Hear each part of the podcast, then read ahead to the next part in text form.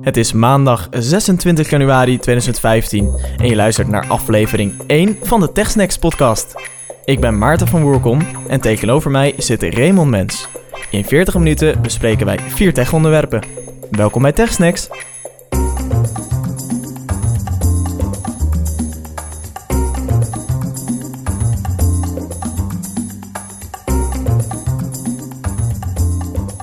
Nou Raymond, eh, aflevering 1 van de TechSnacks podcast. Volgens mij kunnen we terugkijken op een eh, geslaagde pilot.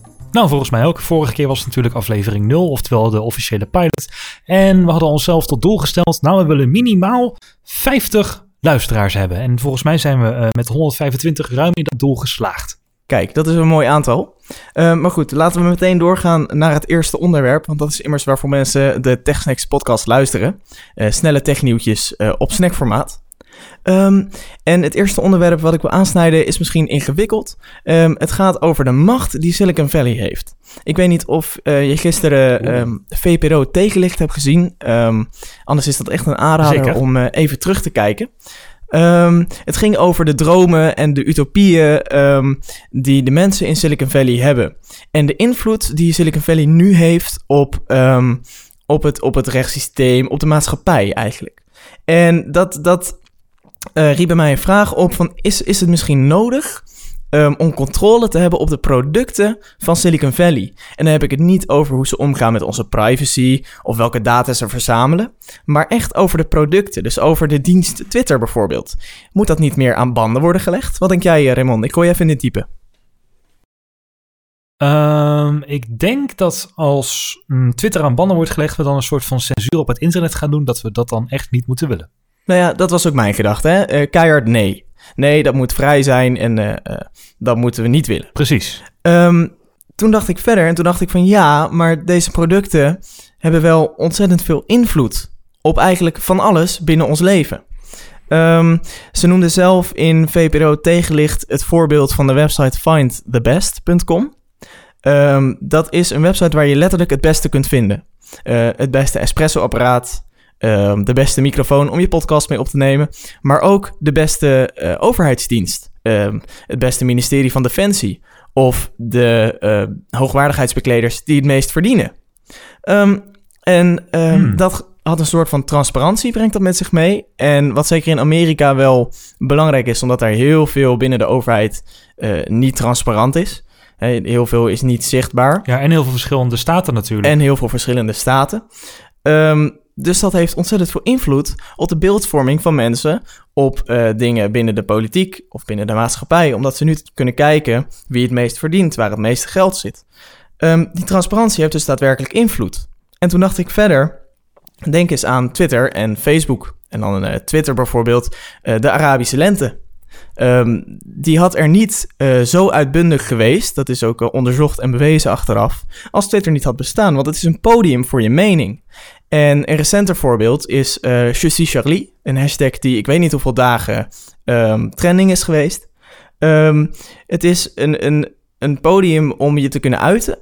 En het draagt bij aan de beeldvorming die jij hebt over maatschappelijke uh, situaties. Ja. En uh, dus, dus indirect hebben die dingen ontzettend veel invloed hoe jij binnen deze maatschappij uh, functioneert en hoe jij over dingen denkt. Ja, het, is dus, het zijn dus zeg maar um, uh, virtuele dingen, dus virtuele diensten die wel degelijk invloed hebben op jouw dagelijks denken, die in Silicon Valley gemaakt worden.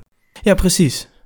Precies. En dan zou je um, kunnen denken van, nou ja, um, misschien is dat, dat is leuk en aardig, maar dat heeft niet zoveel invloed. Nou ja, dat, dat blijkt dus wel erg veel te zijn op heel veel facetten. En um, dat wordt dus allemaal bepaald eigenlijk vanaf Silicon Valley. Want daar worden al die diensten gemaakt en daar wordt het, het, uh, de code geschreven welke berichten in Facebook bovenaan komen. Ja. Of um, welke, hè, dat, dat soort algoritmes, welke uh, resultaten in Google je het eerste ziet. Um, daarmee hebben die mensen eigenlijk heel veel macht. En dat gecombineerd aan um, hoe die mensen in het leven staan. En dat kwam naar voren, uh, erg mooi naar voren in tegenlicht. Um, Zijn het echt gekkies? Nou ja, een beetje wel natuurlijk. Um, je moet een beetje gek zijn om mee te kunnen draaien in, in die hele wereld van Silicon Valley. Um, Peter Thiel is durfkapitalist, het meest bekend van PayPal, uh, is daar ook CEO geweest. Die nam de woorden in de mond: overheid is fundamenteel slecht. Dus zij staan um, radicaal anders ehm, in, in het leven en hebben een totaal andere visie op hoe de maatschappij moet functioneren dan ehm, dat wij en en dan jij en ik dat hebben. En gaat zelfs zo ver dat ze een eigen maatschappij willen creëren op de internationale zeeën. Dat was ook een voorbeeld wat werd genoemd. Ehm, ik weet niet of je dat nog eh, kan herinneren, maar ze zeiden... Ja, dat, dat, dat eilandje of zo, hè? Ja, ze hadden een, een, een stad, eh, zijn ze aan het bouwen. In 2020 moet het klaar zijn. ehm, op, ergens op de internationale zee. Dus en niemand heeft daar rechten, niemand heeft daar macht. Geen enkel land ehm, heeft daar invloed. Om hun eigen eh, overheid met marktwerking te maken. Maar goed, koppelt dat, hè, die, die hele andere visie op de maatschappij. Nou is op eh, de toegang die ze hebben op onze huidige maatschappij. Op onze beeldvorming, op onze politiek dan zou je eens kunnen denken van ja, maar is dat wel goed? Moeten we dat wel willen? Moeten we mensen die zo anders in het leven staan Ja, dat- wel zo open met open armen ontvangen? Of i- zitten daar niet ook gevaren? het meest, eh, meest logische voorbeeld, denk ik, momenteel is eh taxidienst Uber. Ja, ja, precies. Ja, dat, Die eigenlijk zegt van, eh, ja, we weten dat we een, eh, een monopolie eh, over, over, omverwerpen. En de overheid, ik weet dat de overheid niet op ons zit te wachten, maar we gaan het gewoon doen. nou ja, precies. En trek dat even door dat ehm, er dus vanuit Uber wordt gezegd van ja, het is illegaal. Volgens mij ook heeft het ook te maken met de belastingafdracht in Nederland. Dat, klopt dat? Volgens mij wel. Hmm, volgens mij het vergunningen vooral. Nee, en vergunningen. In ieder geval gaat het over geld. Geld wat eerder naar de overheid zou gaan. Geld wat ook eh, wordt besteed aan het eh, goed houden van onze wegen, bijvoorbeeld. En dan, dan Ja. ehm, doe ik het misschien iets vergroten. Ehm, maar dat is wel de invloed die zoiets zou kunnen hebben. Dus het feit dat Uber daar een ander systeem heeft, maar dat dat maar half zeg maar, past binnen onze huidige maatschappij, ehm, kan wel direct invloed hebben van hoe jij straks met je fietsje over eh, de lijnbaan crost. Snap je? Ja, daar denken we niet altijd aan. En ehm, volgens mij wilden zij ook een soort van eh, idee van marktwerking voor de overheid. Dus dat verschillende overheden tegen elkaar op gaan bieden wie de beste omgeving voor de burger kan bieden. Ja, dat werd ook als, eh, als voorbeeld genoemd, inderdaad. Ehm, dus die mensen staan echt heel erg anders in het leven. En ik ben er nog niet helemaal uit. En ik ben eigenlijk wel heel erg benieuwd of wat onze luisteraar daarvan vindt. Ehm, moeten we eh, willen dat er zoveel ehm, eh, invloed op ons vanuit Silicon Valley kan komen? Of moeten we dat misschien een beetje aan banden leggen? Ehm, dat kun je laten weten via Twitter. Het wordt te twitteren naar techsnacksnl of te e-mailen naar reactie.techsnacks.nl. En dan zijn we heel erg benieuwd eh, wat jij daarvan vindt. En dan zullen we dan zeker nog even... Dus zeg jij van eh, laat die hele, hele tech-revolutie maar komen en laat de overheid maar weggaan en eh, bepaald worden door een virtuele overheid die door die mensen uit Silicon Valley geschapen wordt? Of zeg je van nou, voor mij hoeft het, mag het wel iets minder? Ja, laat het weten op reactie.techsnacks.nl. En dan kijk ik naar de klok. En dan wordt het tijd voor het volgende onderwerp. Oh, ik heb vandaag zo'n mooi onderwerp voor nou, ons. ik ben benieuwd. Het is misschien wel de meest, het is misschien wel de meest beruchte app op het internet. Is namelijk MacKeeper. Oh jee. Oh, ik weet nog dat ik eh, toen Ja. ik bij Dixons werkte, was dat altijd het eerste wat ik mensen bij de aanschaf van een nieuwe Mac eh, afraden, is het installeren van of MacKeeper of CC Cleaner. Want dat doet OS X allemaal zelf. Ja, en zeker precies. mensen die van Windows komen, hebben erg de neiging om te, in paniek te schieten en te moeten denken van, oh, ik moet mijn schijf defragmenteren en ik moet op de hele diepe systeemlagen van alles doen, zodat mijn computer maar een beetje snel blijft. en dan wordt er al snel naar MacKeeper gegrepen. Ik had vandaag dus, eh, er was vandaag weinig nieuws, dus ik eh, had besloten die eh, mythe rondom MacKeeper. Is het nou malware? Is het nou een virus? Is het nou spyware? Wat is het nou eigenlijk om het dus uit te gaan zoeken? En ehm, ik heb het geïnstalleerd, zowel op een schone Mac met een hele schone installatie, met alleen Yosemite erop, als mijn eigen MacBook, MacBookje. En schrik niet, op mijn eigen MacBookje, ik heb hem hier openstaan, er werden 2288 problemen gevonden. Oh jee, hij doet het nog wel? Hij, doet, hij, hij werkt Hij nog doet het nog wel, we nemen er nu mee op. Oh, oké. Ja, het, het, sloopt je computer, het sloopt je computer niet helemaal, zal ik maar zeggen. Maar ehm MacKeeper, dat is eigenlijk, ja, zou ik het je aanraden? Nee, absoluut niet. Maar bij heel veel mensen eh heerste de vraag, wat doet het nu eigenlijk, MacKeeper? Nou, het, het zijn een aantal ehm eh, systeemtools, zal ik maar zeggen, in één. Oké, maar wat doet het dan precies? Moet ik daar... eh, heb ik het echt nodig als, als Apple-gebruiker? Of zijn het Nee, je hebt, functies het, je, hebt die... het absolu- je hebt het absoluut niet nodig. Nee, precies. Echt niet nodig. Gewoon, je moet het niet installeren, maar het, het is een. Hun eh, marketingtactieken zijn natuurlijk ook heel berucht. Je krijgt een pop-up en die zeggen: Oh nee, Je Mac is traag. Klik maar even hier om op te schonen. En uh, vervolgens haal je dus MacKeeper binnen. En mijn bevindingen in de praktijk waren eigenlijk dat het vooral dingen doet die eigenlijk overbodig zijn. Of die OS uh, 10 zelf best wel goed kan, maar die wel als heel serieus aanmerkt. Ik heb er nu bijvoorbeeld uh, openstaande MacKeeper app. En dan staat er dat ik een heleboel problemen heb, waaronder opschoning. Dat is een serieus probleem. En wat is het serieuze probleem dan? Dat er 2,1 gigabyte te veel schijfruimte uh, gebruikt wordt volgens MacKeeper, die ik vrij kan maken. En dan uh, klik ik daarop. En wat blijkt hij dan te kunnen vrijmaken? Nou, uh, hij kan mijn cache wissen, wat dan van doe dat maar even niet. en hij kan ook taal, taalpakketten uit OS 10 halen die, die ik niet gebruik. Oh jee. En dat soort dingen. Hij kan echt heel diep op het systeemlevel ingrijpen. En wat ik nog het engste vond, is de binaire schaar. Dat knipt delen uit apps die denk ik niet nodig zijn. Maar dat, dat vind ik toch bijzonder. Ja. Want hoe um, kan Apple zoiets toestaan, terwijl er ontzettend strikt wordt gekeken, normaal gesproken, naar het sandboxing idee. Dus een app zit in zijn eigen omgeving, zit in zijn eigen sandbox, in zijn eigen het, doosje. Het, het komt, buiten de, het komt buiten de App Store om, hè? dat is het idee. Ah, oké. Okay. Het is dus niet, het is dus niet mogelijk om MacKeeper um, binnen de App Store. Want dat is namelijk wel een, nee. een, een essentieel onderdeel wat OS X natuurlijk veilig maakt. Is het feit dat heel veel software gesandboxed is. Dus elke software zit binnen zijn eigen doosje. Ja. En um, moet expliciet toestemming hebben Precies. om buiten dat doosje te treden en uh, te kunnen, kunnen interfereren met andere programma's of te kunnen samenwerken of daar dingen uit te kunnen halen. Nou, neem, neem van mij aan, MacKeeper gaat uh, ruim buiten die sandbox. Uh, nou, de, de opschoning die het doet hebben we dan gehad. Het doet ook een stukje beveiliging, namelijk internetbeveiliging, wat het ook mag zijn. Oh jee. Waarschijnlijk een soort antivirus of anti-pop-up blokkeert het zijn eigen pop-ups, handig. Uh, en er is ook een anti-diefstal. En de anti-diefstal die stuurt een signaaltje naar de server van MacKeeper waar je Mac is. hey, waar kennen we dat van? hey, ja, die hebben we natuurlijk al als Find My iPhone, wat ook werkt voor Mac, iPad, et cetera. Ja, precies. Dat zit al in, uh, in Find, My, uh, Find My Mac, Find My iPhone. En het meest, uh, hè, waar dit natuurlijk voor aangeprezen wordt, die app, is om de prestaties te verbeteren. Want ja, maar dat systeem ook zo? kan er wel tot 100% sneller worden. Nou, ik heb dus een scan laten doen. Mm -hmm. uh, met de prestaties. En ik had uh, serieuze problemen met mijn prestaties. Ik heb er nooit iets van gemerkt, maar goed.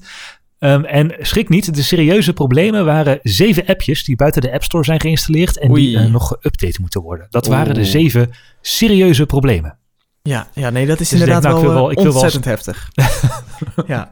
Ik wil wel eens kijken of het dat inderdaad kan fixen. Uh, dus ik druk op uh, alles oplossen en dan zegt hij... Nou, ik heb er 100 voor je opgelost en om de andere op te lossen moet je even afrekenen. Ah, natuurlijk, dan mag je gaan aftikken. Ja, dus eigenlijk Precies, dus zijn het gewoon... komt het, uh, het verdienmodel. Precies, eigenlijk zijn het gewoon geldwolven die um, door de ontwetendheid van de gemiddelde Apple-gebruiker, hè? want mensen die Apple gebruiken willen toch eigenlijk, nou ja, die gebruiken het systeem wat Apple heeft bedacht wat goed voor ze is. En dat zal ook wel zo zijn. Ja. Um, maar eigenlijk een soort van bangmakerij wat ze gebruiken om, um, nou ja, jou toch hun software te laten kopen. Ja, die hele app die draait om bangmakerij inderdaad. Want er staan ook dan hè, de smileys die dan uh, sip kijken met een serieus probleem, et cetera. Oh, ja, ja. En uh, ja, dat serieuze probleem zijn dus letterlijk zeven appjes die geen update hebben. Uh, mijn systeem is er ook trager door geworden, want ik heb de hele caches gewist. En wat OS X vervolgens gaat doen, ja, die heeft die caches toch echt nodig. Dus die gaat ze weer opnieuw opbouwen. Ja, dus dan precies. ben je en je schijfruimte kwijt en OS X is weer een beetje trager. Dus het wordt eigenlijk alleen maar langzamer ook nog eens, het wordt ja, eigenlijk, als je die uh, caches wist, dan is de, de, eerste, de eerste keer opstarten is gewoon super langzaam dan inderdaad. Ja. Um, en het is ook moeilijk te verwijderen. Dus conclusie is eigenlijk gewoon niet kopen. Het is, uh, het, het, is geen malware of geen virus of geen spyware. Dat Mhm. is het niet. Maar het zijn wel allemaal dingen die eigenlijk niet nodig zijn. En die je eigenlijk onnodig bang maken. Om je maar laatst te betalen voor dingen waarvan ik denk... Ja, maar dat is helemaal niet nodig. Of het zit al in OS 10 standaard. Ja, dus MacKeeper niet doen. En um, CC Cleaner, heb jij daar dan... Uh... Nou ja, dat doet eigenlijk een klein onderdeeltje van MacKeeper. MacKeeper kan ook caches leegmaken, maar dat kan CC Cleaner of C-Cleaner, zo heet het officieel, kan dat gratis doen. Dus uh, als je dan toch zo nodig je caches wil leegmaken, niet dat ik het kan aanraden, dan moet je dat maar bij uh, C-Cleaner, uh, door C-Cleaner laten doen. En als je last van malware hebt of zo, dan is er een prima programma, dat heet Adware Medic. En dat is gewoon van een enthousiaste Mac-expert en die maakt het helemaal gratis, dus hoef je niet voor te betalen. Oké, okay, oh dat is ook positief. Ja, het, een, het, het, het enige nuttige wat ik dan aan MacKeeper kan ontdekken is, ontdekken is die internetbeveiliging. Ja. wat het ook mag zijn. Maar goed, daar hebben we... Maar dat is het enige waarvan ik zeg, dat kan van waarde zijn. Maar dat is ook letterlijk alles. Maar goed, er zijn ook mooie andere alternatieven voor, zoals bijvoorbeeld Norton Internet Security, eh, wat je zou kunnen aanschaffen voor je Mac. Ehm, overigens, wat ik mensen altijd aangeraden heb, er zijn vrij weinig ehm, virussen voor de Mac. Ehm, wat Ja, wel precies. mogelijk is op de Mac, is het doorgeven van een virus. Dus het doorgeven van een virus eh, wat jij binnenkrijgt. Eh, stel, ik werk met twee mensen die gebruiken allebei een Windows-computer, niet goed beveiligd. En ehm, ik krijg van persoon Mhm. A krijg ik een document binnen. Ehm, daar zit een virus in, in dat document. Ik merk dat niet op, want dat doet niks op mijn Mac. Het is een virus voor Windows. Ehm, dus mijn Mac blijft onbeschadigd. Ik zie daar niks van. Eh, vervolgens stuur ik dat als bedrijf door naar mijn klant, eh, meneer B. Die ontvangt dat en die opent dat bestand en zijn computer crasht. En dat is natuurlijk negatief voor mijn, eh, eh, voor mijn reputatie ja, als ja. bedrijf of Reputatie. Precies, dus dan eh, zou ik het aanraden om ehm, internetbeveiliging te doen. Maar ja, ga dan ook voor ehm, beveiliging van Norton of bijvoorbeeld, nou ja, er zijn nog een aantal ehm, AVG's volgens mij ook een goede. Gedeeltelijk gratis ook. ja, in ieder geval een gerenommeerde naam. Precies, dan zou ik En niet... MacKeeper is het nou niet bepaald. Nee, dat zijn toch echt wel geldwolven. En we hadden volgens mij onlangs ook op One More Thing... eh, we hadden op One More Thing hadden wij laatst een scriptje staan... eh, wat je kan eh, downloaden en even uitvoeren... waarmee je kan kijken of er... ehm, Dat is dat Advermedic. Oh, dat is dat Advermedic. Ja, precies. is Dat is, dus een heel simpel En- scriptje... wat je even laat Ja. draaien en wat voor jou eruit pikt wat geïnfecteerd is. Ja, en dat, dat MacKeeper, ik heb daar vandaag dus eh, een uitgebreid artikel op OMT over geschreven, want eh, er was niet heel veel nieuws. Ik denk toch eens even die MacKeeper-mythe nou eens even definitief doodmaken. Ehm, en dan ga je even op internet zoeken naar ervaringen van gebruikers. Dus dan typ je in eh, MacKeeper Review. En dan kom je op een aantal sites en die lijken heel onafhankelijk. Dus gewoon, hè, we hebben de nieuwste versie van MacKeeper getest of re- re-reviewed MacKeeper 2014. Ja, precies. En de re- reviews die zijn dan overwegend positief. Dus ik dacht, oh, misschien is het zo slecht nog niet. En dan, eh, dan heb je de review onderaan van, eh, je kunt hier MacKeeper downloaden. Mhm. Dus ik eens kijken wat voor linkje daarbij staat. En al die linkjes, of alle tien de re- positieve reviews die ik heb gelezen, zijn allemaal affiliate linkjes. Oftewel, die reviewer die verdient eraan als jij via zijn positieve review MacKeeper koopt. Ah, kijk eens aan. Dus ehm, ook dat is Maakt niet dat, helemaal een, eh, on- een- zuiver. dat maakt het niet een onafhankelijke review. nee, precies, precies. Maar dus MacKeeper, eh, mijn advies, niet aan beginnen als je weet wat je doet met OS X. En ook als je niet weet wat je doet met OS X, dan gewoon naar AdwareMedic gaan als je echt ergens last van hebt. En als je nergens last van hebt en je Mac werkt gewoon snel, niet aankomen. Ik moet trouwens zeggen dat ik heel veel klachten op eh, fora las dat een MacKeeper je Mac echt enorm zou vertragen. Nou, dat heb ik zelf, behalve na het legen van die caches, dan niet blijvend gemerkt. Maar het is wel een crime om te verwijderen.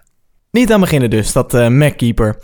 Want OS X regelt het allemaal eh, voor, je, eh, voor jou. En in tegenstelling tot Microsoft Windows. Oeh, Windows. Ja, dat is een terrein waar wij ons niet vaak op begeven. Maar ehm, afgelopen week was er een Microsoft feestje waar Windows 10 werd gelanceerd. En ehm, ik, heb dat, ik heb dat eens even, ben me daarin gaan verdiepen. En wat ik wel gaaf vond aan Windows 10 is dat het cross-platform is. Dus ehm, zowel Windows, zeg maar Windows 10 op je desktop werkt ook op je mobiel en werkt ook op je Surface tablet. Oké, dus wat Apple met continuity doet, maar dan nog wel aparte eh, eh, systemen zou ik maar zeggen, is dit natuurlijk één groot geheel wat opschaalt en terugschaalt, et Nou ja, precies. Dat vond ik zo gaaf. Ik bedoel, ze hebben het geprobeerd met Windows 8. Hè. Toen wilden ze dit eigenlijk al doen. Het, het naar elkaar brengen van die besturingssystemen mobiel en desktop. Ehm, maar dat werd een grote flop, Windows 8. Je had, je had twee interfaces en je moest wisselen. En dan moest je van je metro-interface ineens naar je bureaublad... omdat Office niet werkte. Ja, En eh, mensen waren compleet de weg kwijt. Geen startmenu. Ja alle, men, alle mensen waar ik het voor heb geïnstalleerd, deed ik dan nog wel eens, omdat mensen een PC, nou dat wist ik dat we ook moesten installeren. En dan zei ik, wil je de nieuwste Windows? Ja, nee, dat is goed. En dan na een maand kwamen ze, nee, wil je alsjeblieft Windows 7 terugzetten, want dan kan hij echt niet Ja, meer werken. precies. Het was, het was echt drama, dat Windows 8. Ik ken ook geen... Maar dat Windows, Windows 10, daar kun je dus ehm, apps mee maken voor zowel... eh, als je één app maakt, dan is het zowel een app voor de desktop als de eh, tablets, als de Ja, Windows klopt. Phone. Dus dat zal ook wel de reden zijn dat ze hiervoor hebben gekozen. Want als Microsoft ergens een probleem heeft hè, binnen, de Windows binnen, binnen het Windows ecosysteem, ehm, dan zijn het wel apps. Ja, dan is het toch een beetje karig gevulde App Store voor met tablet apps en eh, Windows Phone apps. En ik vermoed, ik vind het een beetje een makkelijk, ja, ik vind het wel het laaghangend fruit plukken dan, zal ik maar zeggen. Ik vind het een beetje makkelijk dat ze nu zeggen van, nou weet je wat, dan laten we de PC-apps maar soort van ook in beperkte vorm en in uh, meer crappy vorm onze Windows uh, Phone App Store vullen. Ja, want dat is dan wel het grote verschil met de keuze die Apple heeft gemaakt om te zeggen van um, uh, we kunnen apps laten samenwerken tussen OS uh, 10 en ja. um, iOS. Um, dus Microsoft die gooit het gewoon allemaal op één platform en Apple doet nog wel iets met optimalisatie. Ja, bij uh, iOS en OS X, hè, iOS en OS X zijn echt heel verschillende dingen. En bij iOS worden de apps echt geoptimaliseerd niet alleen de, de, de schaling, maar ook gewoon de hele workflow van de app wordt geoptimaliseerd voor een iPhone of een iPad. En bij um, het Microsoft-idee heb ik dan toch zoiets van dat het origineel voor de desktop wordt ontwikkeld en het dan maar teruggeschaald wordt en kleiner gemaakt wordt en uh, controls onder elkaar gezet worden in plaats van naast elkaar. En dat je dan toch een soort van net niet optimale app krijgt. Maar ik snap het wel, als ik in de positie van Microsoft was, is het waarschijnlijk het makkelijkst om te doen. Om te zeggen van nou weet je wat, als je een desktop appje maakt, even klik, klik, klik, dan heb je ook meteen een mobiel app. Ja, nou, dat, dat denk ik ook. Maar waar mensen het, het meest blij mee zullen zijn, denk ik, in Windows 10, dat is het, de terugkeer van het startmenu. En de, yes, de, de knop. yes, yes, Hij yes, is er weer. yes, yes, yes. Laatst gebruikt in Windows XP voor mezelf dan, maar ik vond hem heerlijk, het startmenu. Me, menig, menig Windows-gebruiker was compleet gedesoriënteerd toen het startmenu uh, weg was in Windows 8. Ja, oh man. Uh, paniek, chaos, crisis. Het is weer terug. Maar wel in een nieuwe vorm. Ze hebben nu die Metro-interface eigenlijk geïntegreerd in het startmenu. Dus um, wat ze eigenlijk wilden, het samenbrengen van die twee interfaces, dat hebben ze nu gewoon op één bureaublad gemaakt. En ik denk dat dat heel veel mensen wel prettig gaan vinden. Want je... Ja, want heel veel mensen wisten gewoon niet meer hoe ze hun computer moesten gebruiken. En dan denk ik zeker, hè, waar Microsoft groot is, in het zakelijk segment, als jij een bedrijf hebt, wil je niet als ICT-afdeling nieuwe handleidingen gaan uh, uh, uitdelen van zo moet je je computer gebruiken. Nee, precies. Dat is echt niet meer van deze tijd. En um, nou goed, daar is Apple natuurlijk heel goed in. Van je zet het aan en je moet eigenlijk weten hoe je het gebruikt. Hè. Dat moet je voelen, dat moet je intuïtief kunnen. Um, nou ja, daar wil Microsoft denk ik uiteindelijk ook naartoe. Want het is gewoon een, een standaard die we tegenwoordig uh, graag zien. Um, uitleg willen we niet graag bij onze apparaten. Dat willen we gewoon kunnen. heb jij het al uh, geprobeerd, Windows 10? Nee, ik heb me er nog niet aan gewaagd. Ik, uh, okay. Nee, ik heb, het verder, ik heb alleen wel heel veel previews gezien, veel erover gelezen. Um, echt gebruik nog niet. Jij wel? Uh, ik heb het geprobeerd te gebruiken. Ik heb proberen te installeren in een virtuele machine op mijn Mac. Maar daar blijkt de techniek nog niet klaar voor. Het is nog een te vroege, een te vroege beeld, zal ik maar zeggen. Te vroege beta. Om het ook in uh, VMware te doen. Okay. Dus ik heb ongeveer drie uur staan te wachten op een scherm wat heette voorbereiden, voorbereiden, voorbereiden. En verder kwam die nooit. Oh, maar dat heb je wel vaker, toch? Als een Windows computer opstart, dat hij nog even 27 updates moet doen. Dat, ja, nee, maar uh... dit was zeg maar meteen na de installatie. Dan zei hij, nou, voorbereiden op het eerste gebruik. Ik denk, oké, okay, wanneer gebeurt dat dan? Ik ga even tv kijken, uur verder, nog steeds voorbereiden. Twitter gezocht. Nou, bij iedereen blijft hij zo hangen. Oké, okay, dus dat, uh, het werkt nog niet op je Mac helaas. Maar goed. Nee, nou... Windows 10 heeft dus dat startmenu, maar ook een nieuwe browser. Ja, ja, er zijn een, uh, is een hele berg aan nieuwe apps uh, is er uh, beschikbaar. Ook de integratie met de Xbox, wat natuurlijk ook van Microsoft is. De spelconsole is uitgebreid. die, ook die systemen komen dichter naar elkaar toe. Um, dat is natuurlijk ook in de gamewereld, omdat um, de, de, de schijfjes eigenlijk verdwijnen en het allemaal redelijk digitaal gaat, is dat natuurlijk ook makkelijker, makkelijker te koppelen. Ja, je kunt nu een game streamen naar je PC als je hem vanaf je Xbox start, toch? Of het zoiets, kan met ja. beperkte, ja. beperkte games. Dus als uh, papa, dat noemen ze dan als voorbeeld, als papa tv wil kijken en uh, het kindje wil uh, toch gamen, dan start hij gewoon de Xbox en dan streamt hij het als soort van Airplay. We blijven het in Apple-termen noemen. Een soort van Airplay naar de monitor van de computer. Ja, precies. Nou, en wat ook wel gaaf is, is dat Cortana, de, de, de Siri en Spotlight. Uh, uh, Siri is de personal assistant uh, door Apple. En Spotlight is eigenlijk het zoekprogramma wat zit op je Mac en je, en je iPhone. Ja. Um, dat zit allemaal samen in Cortana. De personal assistant van Microsoft is ook naar de desktop gebracht.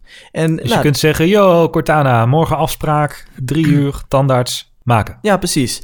Ja, en nou ja, dat vind ik wel een gave ontwikkeling. Um, aan de ene kant, aan de andere kant twijfel ik of we daarop zitten te wachten. Ik heb het zelf altijd wat ongemakkelijk gevonden om uh, bijvoorbeeld bij uh, Google Chrome uh, mijn zoekopdrachten tegen mijn computer te gaan roepen. ja, dat je tegen een scherm aan het praten bent, letterlijk tegenwoordig. Ja, hè? en dat voelt toch Vroeger anders. zeiden ze allemaal van, oh, je zit tegen je computer te praten, is die traag? Ja, schiet nou eens op, jij, op, op, op. Maar nu ga je ja. echt tegen je computer praten. Ja, en dat voelt toch anders dan dat je tegen je telefoon praat. Ehm, Het is een stukje verder weg, hè? is- Telefoon hou je, ja. hou je dicht bij je. En computer is zo van ik schreeuw naar het, het, het ja, scherm. precies. Ja, je zit er een beetje je, je computer uit te kafferen omdat het niet goed gaat. Ja, Maar ik heb jou over één ding op die Microsoft-presentatie... heb ik jou de hele week of het hele weekend... heb ik jou... Oh, dat is toch zo vet. Dat is Ja, toch zo vet. Oh my god. Ja, ik was er echt ontzettend van onder de indruk. Het is de Microsoft HoloLens. Want naast software hebben ze tijdens dit event, wat eigenlijk om Windows 10 draaide, ook nog even ehm, wat gadgets gelanceerd. Ehm, en waaronder, waar, waarvan ik wel, ik kom zo bij de HoloLens, maar tussendoor zagen we nog een 84-inch 4K Surface Hub, een schoolbord. Ja, mooi hè? Ja, ik was er niet echt van onder de indruk. Het was, ehm, je, je zag ook in de foto's ehm, mensen die ontzettend actief bezig waren met een vergadering.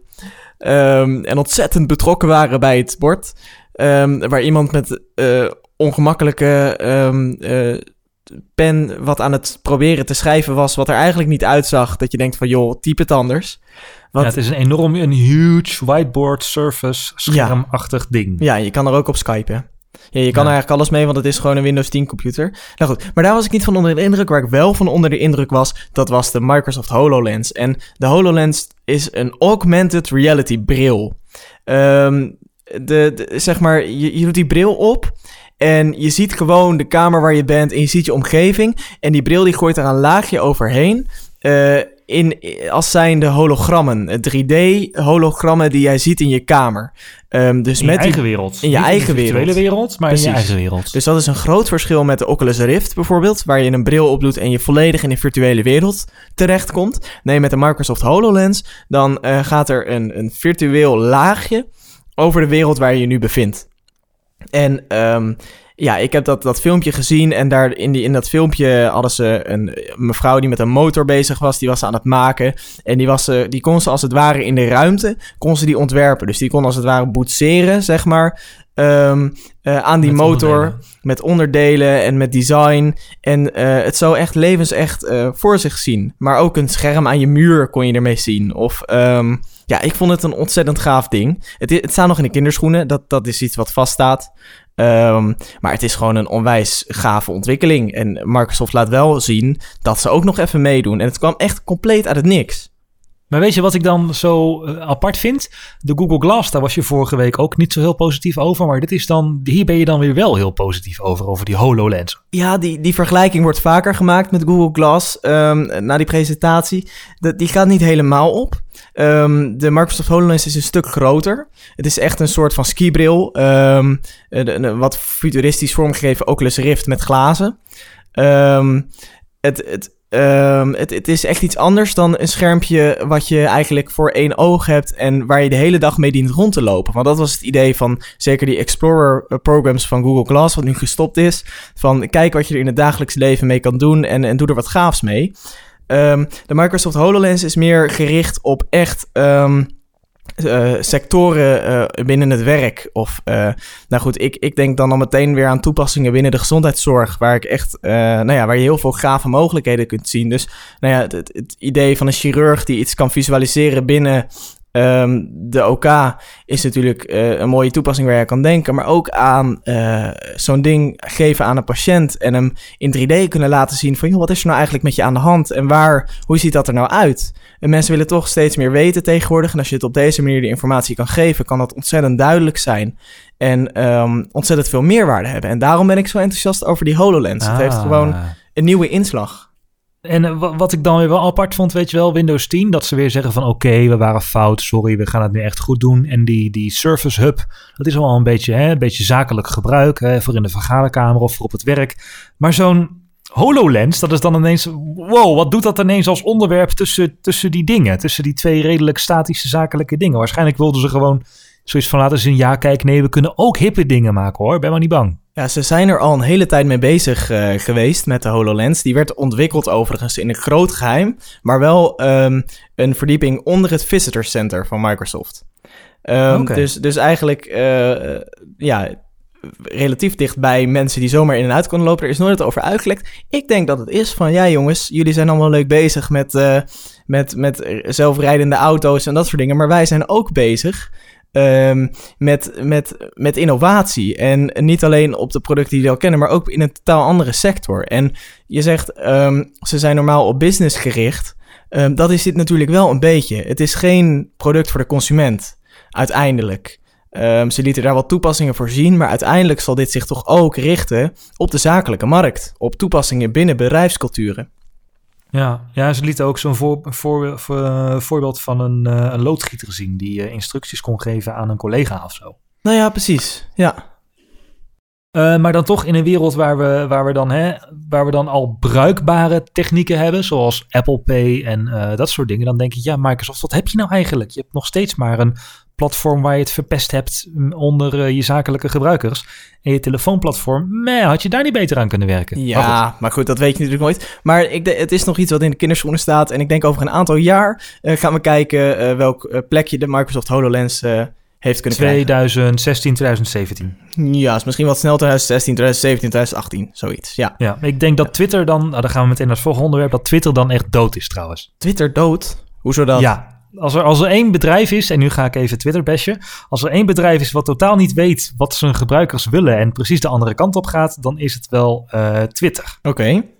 Hoezo dat? Uh, nu, nu snap ik wel dat Twitter een beetje in een dilemma zit. Want uh, aan de ene kant heb je ons, de tech, tech-savvy gebruikers, zal ik maar zeggen. Mm -hmm. Die al lang hun perfecte Twitterlijst en een perfecte timeline hebben gemaakt, et cetera.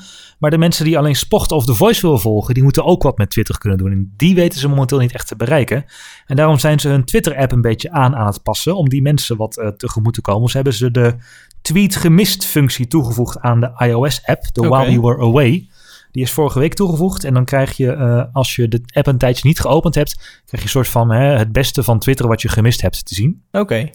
Voordat je timeline begint. Oké, okay, dus dat is echt een soort van voor. Uh... Ja, je moet daar eerst even doorheen door het overzicht en dan zie je je timeline weer. En dan denk ik, ja, maar Twitter is volgens mij geen Facebook met um, te laten zien wat je gemist hebt, maar juist wat er nu gebeurt.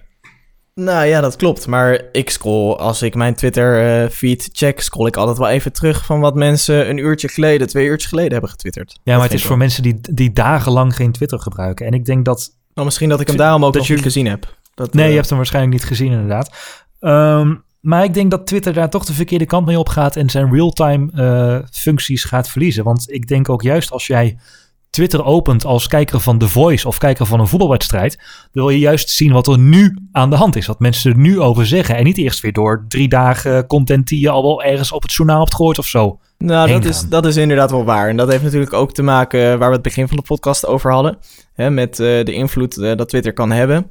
Uh, ja. Als jij nu die extra informatie van over de hele wereld krijgt, is dat natuurlijk interessanter dan dat je eerst moet kijken wat Bourget gisteren heeft uitgespookt uh, tijdens Boer, Boer zoekt vrouw. Bedoel... Ja, precies. Nou, daar ben ik dus een beetje bang voor. Dat Twitter vooral dingen gaat laten zien in die functie.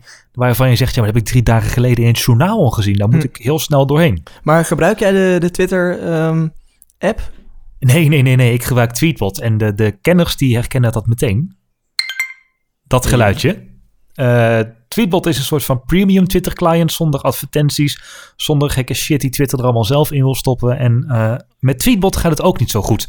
Althans, uh, op iOS wel, maar op de Mac hebben ze een flinke tegenslag gehad. En dat is nog iets waarvan ik denk, ja, Twitter weet je wel wat je doet. Um, het stond zaterdag als eerste op 9 to 5 Mac. Die hadden het ontdekt en die noemen het de Twitter War on Developers. Oh jee. Twitter wil namelijk, volgens mij is Twitter niet zo blij met uh, third-party uh, apps zoals Tweetbot, want daar zitten geen advertenties in. Ja, en dat is wel belangrijk. Hun, en daar kunnen ze hun eigen tweet gemist functie niet in stoppen. En wat doen ze dus? Die apps die mogen wel bestaan, maar in beperkte vorm. En om die beperkte vorm te handhaven, hebben ze tokens uitgedeeld. En iedere nieuwe gebruiker of iedere uh, sessie die via die Tweetbot wordt geopend, dat is een token. En Tweetbot voor Mac zijn tokens zijn op. Oké. Oh, dus, dus dat is zeg maar uitverkocht. Precies, dat de app mag gewoon niks meer. Nee, en dus is de Tweetbot voor Mac is een hele mooie, hele mooie app. Uh, die is uit de Mac App Store gehaald. En een heleboel gebruikers hebben nu ook problemen met inloggen op Tweetbot hm. voor Mac. En dat hm. is voor een Twitter-client waar je 30 euro voor hebt betaald best wel een dingetje, zou ik maar zeggen. Ja, dat is wel pittig dan. Maar um, ik kan me inderdaad voorstellen dat Twitter daarvoor kiest om um, hun eigen software te promoten. Voor de Mac hebben zij bijvoorbeeld een Twitter-client, Twitter voor Mac. Ik heb hem altijd ja. uh, naast mijn browser. Super uh, crappy client trouwens. Half oh. jaar niet meer geüpdate, et cetera. Drie ik jaar gebruik hem met ontzettend ja. veel plezier. Hij staat Nou, altijd open. de enige. Nee. Aan de, hij staat altijd open aan de, aan de linkerkant van mijn scherm. En mijn eh, browsers en andere vensters eh, aan de rechterkant. En eh, zo hou ik mijn Twitter-feed gedurende de dag in de gaten. Ehm, voor wil je meer met Twitter, zeg maar, dan heeft Twitter natuurlijk ook TweetDeck. En Ja, in klopt. beide apps zie je inderdaad de gepromote tweets of advertenties. Ehm, maar die advertenties die zijn wel belangrijk voor het voortbestaan van zo'n dienst. En er was Ja, maar dan was ook maakt Twitter in, in mijn opinie echt de verkeerde keuze... door die apps gewoon zeg maar, zeg maar af te snijden...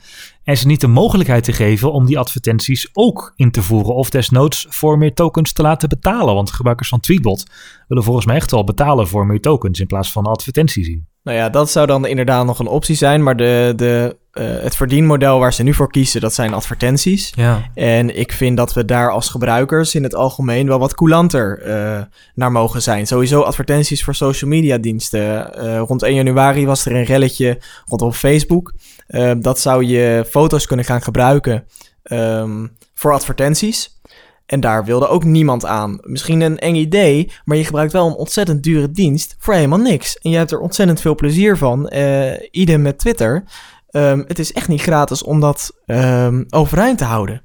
En nee, tuurlijk. Maar ze bieden dan eh degene die iets anders willen niet de mogelijkheid. En ze zeggen nee, we gaan je forceren om onze client te gebruiken. En als je die bevalt, dan stop je er maar mee. Nou, ik denk dat een aantal mensen dat ook echt wel gaat doen. Dus of Twitter het zodoende 2017 haalt, ik weet het niet. Als je nu in de Mac App Store op Tweetbot zoekt, dan vind je helaas niks terug.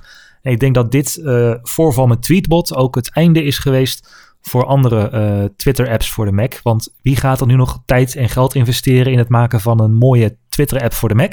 ja, Als externe ontwikkelaar, als je binnen de kortste keren naar, aan je token limit kan zitten en, eh, en af, afge- afgesloten kan worden. Ik ben eh, benieuwd hoe het gaat aflopen, maar ik denk niet dat we Tweetbot voor Mac ooit terug gaan zien. En ik ben benieuwd of, eh, of onze luisteraars een eh, favoriete Twitter-client hebben. Misschien is het nog Echofon, dat hele oude wat ik ooit in Oh het ja. begin heb gebruikt. Of Ja. Twitterific of iets anders. Laat het weten op reactie.techsnacks.nl of twitter het naar @techsnacksnl. En nu we het toch over apps hebben en we aan het einde komen van de podcast, wil ik graag een bruggetje maken naar een game. Ja, we doen aan het, aan het einde doen we altijd eh, een app en een game. En jij bent van de game en ik ben van de app. Nou, voor, voor deze uitzending heb ik een game uitgezocht wat mooi aansluit bij het nieuws van Microsoft. Het is een game, het bestaat al een tijdje. Ehm, ik heb destijds op OMT een, eh, een eh, goede review, een, een behoorlijke review geschreven en ehm, een filmpje erbij gemaakt. Dat zullen we ook even bij de show notes zetten. De game heet Ingress. Het is van Google en het is een augmented reality game. Net als de HoloLens Augmented. Het legt een laagje over de eh, echte wereld heen. Dus eh, je zult ook een dikke winterjas aan moeten trekken, want je moet naar buiten voor Ingress. Ehm, er zijn twee teams over de hele wereld. Zijn er maar twee teams. En jij hoort bij een van die twee teams. En het gaat erom wie het meeste grond verovert in de basis. Ehm, je loopt naar buiten en op jouw telefoon zie je eh, dat er zich portals bevinden. Die portals, daar ga je naartoe en die moet je hacken en die moet je veroveren. En dat wordt dan vanzelf jouw kleur. Je hebt blauw of groen. Je bent een van de twee partijen. En hoe meer groen over de wereld, hoe beter dat voor groen is. Ehm, hoe meer blauwe op de wereld, hoe, meer, hoe beter dat voor het blauwe team is. En eh, hoe beter blauw afstevend op de overwinning. Ehm, ja, het, is een, het concept is vrij ingewikkeld. Kijk even het filmpje. Eh, het is een ontzettend leuk spel. Ehm, je moet er zeker aan beginnen als je dit soort eh, initiatieven eh, als augmented reality en echte spelletjes spelen met je telefoon buiten gaaf vindt. Ingress is gratis te verkrijgen via de App Store. Je moet wel een Google-account hebben waarmee je ook op de grote kaart kan inloggen via je Mac, die je zeker zult moeten raadplegen. Ingress gratis te verkrijgen, geoptimaliseerd voor iPhone 5, eh, 6 en 6 Plus. En ook voor Android, maar niet voor Windows Phone. Oh, die ene Ah, luisteraar met de. Windows Phone, die moet nu huilen. Sorry, kusje op.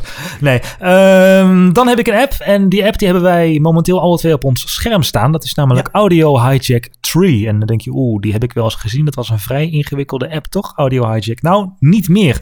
Audio Hijack bestaat al sinds 2002. Het is eigenlijk zo oud als eh, Mac OS eh, X bijna. En Audio Hijack laat je alles opnemen wat op je Mac eh, voorkomt. Zou je zeggen, hoezo is dat nou handig? Nou, als je bijvoorbeeld een podcast eh, wil opnemen, maar ook als je een plaat wil digitaliseren of een liedje van YouTube wil rippen, kan heel makkelijk met eh, Audio Hijack. En voorheen was het nogal een app met een ingewikkelde interface, die ja, met heel veel opties en lijstjes en minuutjes. Maar het hebben ze nu helemaal vervangen door blokken. Je zegt gewoon van, nou, ik wil Safari opnemen. Dan sleep jij het blok Safari in je venster en daarachter zet je een recorder. En voilà, je neemt het liedje van YouTube van Safari op. Maar het houdt niet op bij uh, één blokje. Je kunt ook meerdere blokjes achter elkaar zetten. Dus je kunt zeggen, ik wil en Safari en mijn stem en een echo en een ruisfilter en dat opnemen. Oh, en ik wil ook nog Skype erbij. Nou, kun je er ook bij zetten. Als je iets met audio doet, uh, het verandert je Mac in een uh, compleet uh, logisch in te delen opnamestudio, zou ik maar zeggen. Met meerdere inputs, meerdere outputs. Maar ook als je iets heel low profile wil doen, als een liedje van Spotify rippen, kan dat er gewoon mee. Hij is gratis te proberen. Niet in de App Store te downloaden, daar is hij te uitgebreid voor. Mag niet in de sandbox. audio Hijack, even googlen, daar vind je hem. Uh, hij kost 49 euro voor de volledige versie. Maar als je maar een liedje wil opnemen of een kort eh, dingetje wil doen, 10 minuten kun je hem volledig proberen. Daarna komt er een ruisje onder de audio. En als je hem dan weer opnieuw opstart, is die weer wel goed. Audio Hijack 3 dus. Ja, en wat Uh, wel, wat wel gaaf is van die app, eh, vind ik, is dat je heel leuk kan spelen met de volgorde van die blokken. Dus Ja. ehm, je kan verschillende outputs naar je eh, signalen naar je, naar je koptelefoon sturen. En andere wel weer in de opname meenemen, maar toch niet. Ehm, ja, het is echt heel erg leuk om mee te spelen. Dus ja, eh, dat is van een, van een echo tot een, eh, tot een, weet ik wat, tot een eh, storingsfilter, tot een hele vette bas kun je ertussen stoppen. Je kunt er van alles tussen stoppen. En ook de pro's die wat met audio doen, compressors, limiters, plugins, zitten allemaal in. En wij nemen de podcast er nu mee op. Yep. En hij wordt onderdeel van onze blogpost die we gaan schrijven van hoe wij podcasten. Zeker. En die verschijnt waarschijnlijk ergens eh, volgende week. Audio Hijack 3 dus. Dat was mijn app en daarmee zijn we aan het einde gekomen van de eerste officiële aflevering van de TechSnacks podcast. We bedanken Ben Sound voor het intro en het outro. En TechSnacks is binnenkort ook te vinden in de iTunes podcast sectie, want onze RSS-feed is binnen. Heb je een reactie? Wat vond je ervan van de eerste aflevering? Mail naar reactie.techsnacks.nl. Je mag het ook twitteren, techsnacksnl. Daar houden we je ook op de hoogte van eh, nieuws over onderwerpen die we besproken hebben. En ook op Facebook zitten we, facebook.com slash techsnacks, zonder NL erachter. En als je nou echt goed wil reageren, dan gebruik je gewoon het formulier op onze website techsnacks.nl. Vind je ook aflevering 0, als je die niet hebt gehoord. Even terugluisteren, was de allereerste. Volgende week maandag, dan is er weer een nieuwe TechSnacks. Tot volgende week. Tot volgende week.